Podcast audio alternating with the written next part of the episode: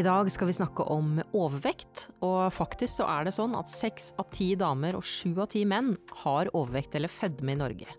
Men når så mange av oss er overvektige, når begynner det å bli farlig for helsa? Og kan noen legemidler bidra til å øke vekta? Og for å dykke ned i vektproblematikken, så har jeg fått besøk av to farmasøyter fra apoteket. Det er Maren Hoff og Rebekka Gitlestad. Og Rebekka, var du kjent med at det er så mange som er overvektige i Norge? Ja, jeg har også sett disse rapportene fra Folkehelseinstituttet, og kurvene har økt ganske mye de siste 20 årene. Ja. Men det er jo viktig å presisere at overvekt ikke er like helseskadelig for alle. Eh, og det er forskjell på å ha noen kilo for mye og det å være sykelig overvektig. Ja. Ja, og så er det sånn at eh, antall overvektige har faktisk holdt seg ganske stabilt, mens det er antall med fedme som har økt de siste årene. Ja, hva er som er forskjellen på fedme og overvekt? Begge tilstander handler om eh, overskudd av fett på kroppen, men det er fedme som først og fremst gir en økt helserisiko. Overvekt det er definert som en kroppsmasseindeks, eller BMI, på 25 eller mer, mens fedme, da har man en BMI på over 30. Ja. Men det er ikke nødvendigvis sånn at man har dårlig helse selv om man har en høy BMI. Dette her med BMI, er det, hva er det for noe? Er det vektdelt på høyde? Ja, det er vektdelt på høyde opphøyd i andre. Ja, Ikke sant? Den som tar den i hodet, de er gode. Eh, Men det er viktig å huske på at det er noen svakheter ved å måle balansen mellom høyde og vekt. For eksempel så skiller det ikke på fett og muskelmasse, eh, og en person som har høy muskelmasse vil derfor kunne ha en veldig høy BMI. Ja. Det er også viktig å si at dette er ikke noe man bruker på barn og unge.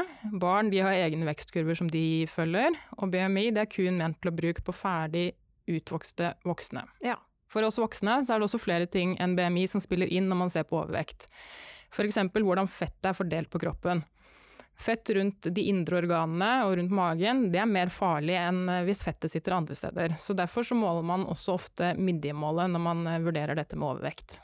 Ja, og så er det jo ikke tallet på vekta som gir det hele bildet, for det handler jo enda mer om god helse.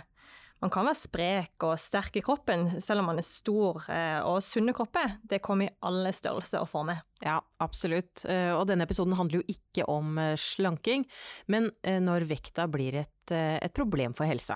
Vekta blir helseskadelig når den enten fører til eller øker risikoen for annen sykdom.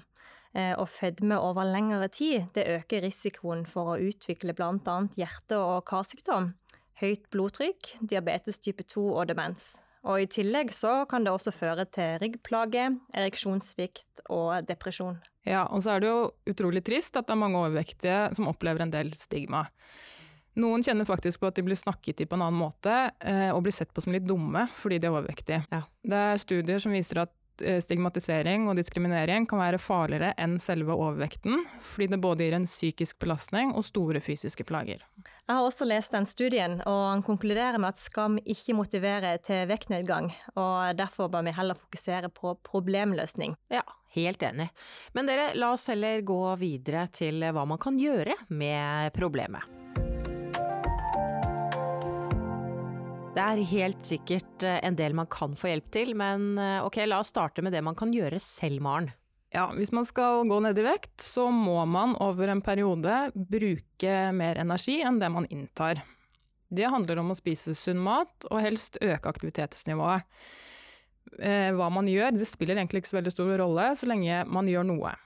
Bør man telle kalorier? Det kan sikkert være litt individuelt om det er nødvendig, men jeg tenker at det ikke er nødvendig å telle hver eneste kalori. Det vil være nyttig å ha en viss oversikt over hva man inntar og hva man forbrenner. En mulighet det er jo å beregne kaloribehovet ditt, og så planlegger man et kosthold som ikke overskrider det du forbrenner. Men hva med legemidler, er det sånn at de kan bidra til å øke vekta? Ja, noen legemidler kan også føre til vektøkning, eh, og det er annet enkelte legemidler mot psykose, depresjon, epilepsi, diabetes og noen hjertemedisiner. Eh, Men det betyr ikke nødvendigvis at man skal slutte på medisinene man går på, selv om vektøkning kan være en bivirkning. Eh, Men hvis det oppleves som et stort problem, så er det veldig viktig å ta det opp med legen sin. Eh, Og da kan man kanskje justere dosen, eller prøve andre legemidler som ikke gir akkurat de samme bivirkningene. Men hva er det som gjør at man kan gå opp i vekt eh, av et legemiddel eh, mot en sykdom? Det er litt komplekst, men jeg skal prøve å forklare. Eh, vår kroppsvekt reguleres av mange forskjellige faktorer som skal spille sammen. Og legemidlene kan enten direkte eller indirekte påvirke disse. Det kan være dopamin, som stimulerer metthetsfølelsen, eller f.eks. histamin og østrogenet, som har effekt på appetittreguleringa. Og når disse påvirkes, så kan det føre til endra kroppsvekt. Ja. For eksempel eh, så kan behandling med insulin, som man bruker mot diabetes, det kan øke kroppsvekten hos noen. Men det er jo mye farligere å slutte på disse medisinene, selv om eh, man kan oppleve vektoppgang. Mm. Så hvis det er et problem, så er det kjempeviktig å snakke med legen om det. Ok, eh, Sett at man ikke går på disse eh, legemidlene du nevner, eh, og at man da har endret kostholdet, man har økt aktiviteten, men det gir ingen resultater. Hva, hva kan man gjøre da? Hvis det er snakk om helseskadelig overvekt, så bør man oppsøke legen sin for å vurdere om det er behov for hjelpemidler som en del av et helhetlig behandlingstilbud. Eh, det finnes flere reseptbelagte legemidler som er godkjent for eh, vektreduksjon, eh, og disse virker på forskjellige måter. Noen kan virke med å styre appetitt- og belønningssentrene i hjernen, mens andre virker ved å redusere mengde fett fra maten som tas opp i tarmen. Ja. Og så er det viktig å huske på at disse legemidlene ikke gjør jobben alene. Det må være en motivasjon som man legger til grunn, og så må man også legge til en, en innsats for å oppnå vekttapet. Ja. Jeg tenker på andre ting. Hva med, hva med operasjon? Altså, kirurgisk behandling det kan være aktuelt hos personer som har alvorlig overvekt, og hvor andre tiltak ikke har gitt resultatet. Men det er et stort inngrep, og det krever en del planlegging og varige livsendringer. Mm. Um, og dette er også selvfølgelig noe som må gjøres i samråd med lege og spesialisthelsetjenesten. Ja, men jeg tenker det er viktig å legge til at kirurgi det er absolutt ingen quick fix. Eh, mange er kanskje ikke klar over hva det vil føre til seinere. F.eks. at man etter inngrepet må følge en ganske streng diett, mm. eh, og at magesekken ikke kan ta imot like mye mat som tidligere, så man må spise veldig små måltider. Ja, men Det var bra dere nevnte det, det var behandlingen. Jeg tenker det er tid for å knuse noen myter om overvekt. Vi starter med myte én overvekt er arvelig. Det er ikke helt riktig. Eh, det er et samspill mellom arv og miljø, men det er særlig miljøendringene som, eh, som fører til at man nå er tykkere enn det man var for 50 år siden. Mm. Og det handler også om forhold til mat, hvor mye man er i aktivitet osv. Ja. Det bringer oss til myte to. Eh, overvekt kommer med alderen. Det er bare en myte. Det er en gruppe internasjonale forskere som har funnet ut at verken stoffskiftet eller forbrenningen vår endrer seg noe særlig med alderen.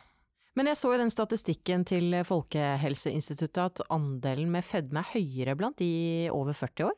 Mm, eh, andelen er høyere, men det skyldes nok andre ting enn forbrenningen. Ja. Studier viser at eh, babyer de forbrenner 50% raskere enn voksne, og forbrenningen synker 3% i året fram til man fyller 20 år men fra man er 20 til man er rundt 60, så synker ikke forbrenningen så veldig mye.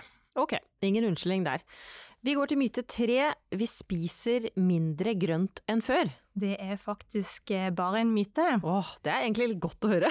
ja, Helsedirektoratet har skrevet en rapport om utviklinga i norsk kosthold, og den viser at vi spiser mer grønt nå. Eh, og mer korn enn det vi gjorde før. Ja. Men så spiser vi dessverre mindre frukt og fisk.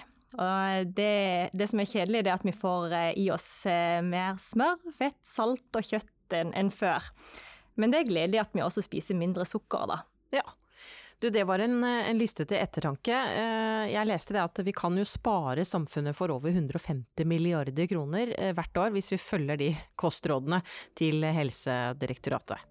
Og med det så runder vi av. Takk til Rebekka og Maren i studio, og takk til deg som har giddet å hørt på hele denne episoden. Husk at du kan stikke innom et av våre 447 apotek, eller chatte med våre farmasøyter på apotek1.no. Og her er ingenting flaut å snakke om.